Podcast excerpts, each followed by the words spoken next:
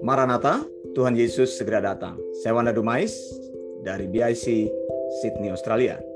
Saudara yang dikasih Tuhan, Filipi 4 ayat 6 sampai dengan ayat yang ketujuh. Saya akan bacakan kepada kita semua. Janganlah hendaknya kamu khawatir tentang apa pun juga, tetapi nyatakanlah dalam segala hal keinginanmu kepada Allah dalam doa dan permohonan dengan ucapan syukur. Damai sejahtera Allah yang melampaui segala akal akan memelihara hati dan pikiranmu dalam Kristus Yesus. Saudara yang dikasih Tuhan ayat ayat yang baru saja saya bacakan banyak sekali dikutip orang terutama ketika memberikan kekuatan atau penghiburan kepada sesamanya di dalam masa-masa yang gelap di dalam hidup mereka. Nah, ayat ini memang gampang dipahami bicara tentang kekhawatiran. Saudara yang dikasih Tuhan, saya ingin berkata kepada kita bahwa untuk menafsirkan ayat ini dengan tepat, kita perlu melihat konteks ayat ini secara teliti. Jadi, ada konteks awal yang sebenarnya tertinggal yang tidak dibacakan orang atau tidak disampaikan orang kepada kita ketika bicara tentang masalah kekhawatiran. Sebenarnya kalau engkau ingin membaca ayat-ayat ini, engkau perlu melihatnya dalam Filipi 4 ayat 5. Di dalam pengantar ayat ini, kita menemukan apa yang Paulus maksudkan. Mengapa engkau tidak perlu khawatir tentang apa pun juga di dalam hidup ini. Filipi 4 ayat 5 katakan, hendaklah kebaikan hatimu diketahui semua orang. Lalu ada bagian yang penting, Tuhan sudah dekat. The Lord is at hand. Artinya apa? Tuhan akan segera datang. The Lord will return. Tuhan akan datang. Ini menjadi sebuah kekuatan bagi setiap orang percaya untuk menjalani hidup ini.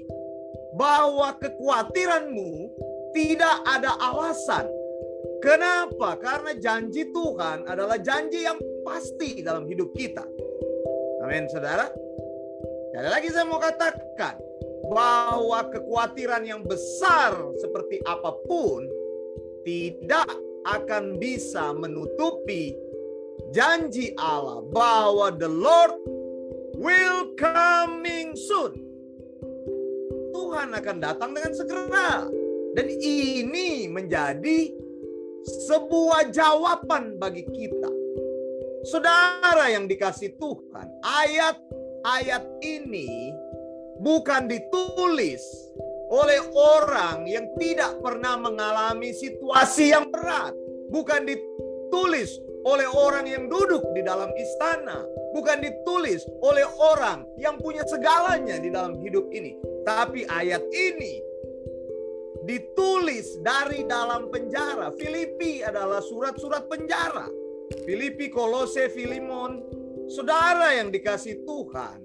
Jadi orang yang sama ini ingin mengatakan kepada kita, aku berada dalam situasi yang sangat membuat hidupku tertekan. Kegelapan yang aku lihat, tidak ada kepastian dalam hidupku.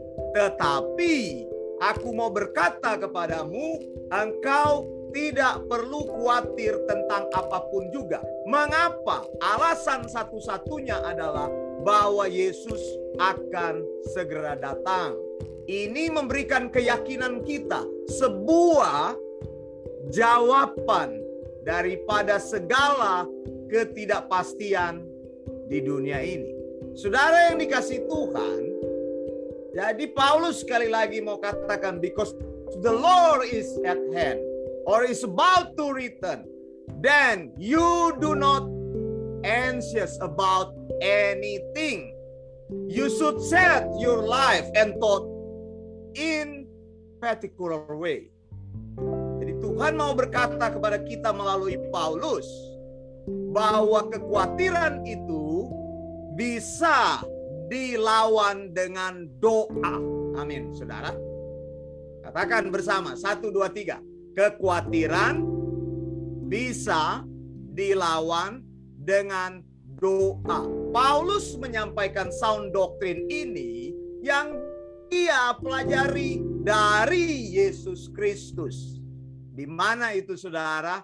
Ini merupakan pengulangan firman yang diberikan kepada orang percaya bahwa kita tidak boleh khawatir tentang apa pun juga karena dalam Matius 6 ayat 25 dikatakan karena itu aku berkata kepadamu janganlah khawatir akan hidupmu akan apa yang hendak kamu makan atau minum dan janganlah khawatir pula akan tubuhmu akan apa yang hendak kamu pakai. Bukankah hidup itu lebih penting daripada makanan dan tubuh itu lebih penting daripada pakaian? Yesus mau katakan bahwa hidupmu itu adalah aset satu-satunya dalam dirimu.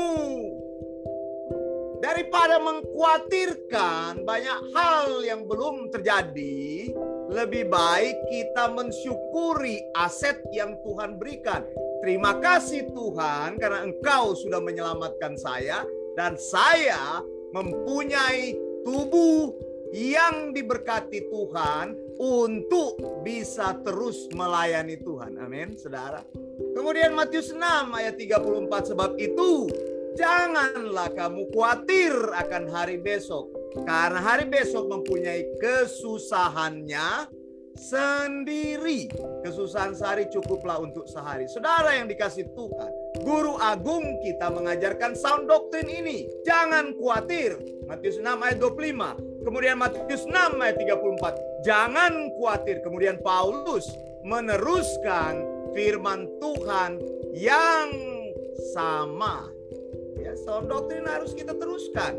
Apa yang diajarkan oleh guru agung kita kita teruskan kepada orang lain yang belum pernah mendengar sound doktrin itu, pengajaran yang benar akan menghasilkan praktek beriman yang benar. Paulus mengatakan, "Janganlah hendaknya kamu khawatir tentang apa pun juga. Kekhawatiran harus dilawan dengan doa. Saudara bukan berarti saudara orang Kristen itu adalah orang yang tidak peduli.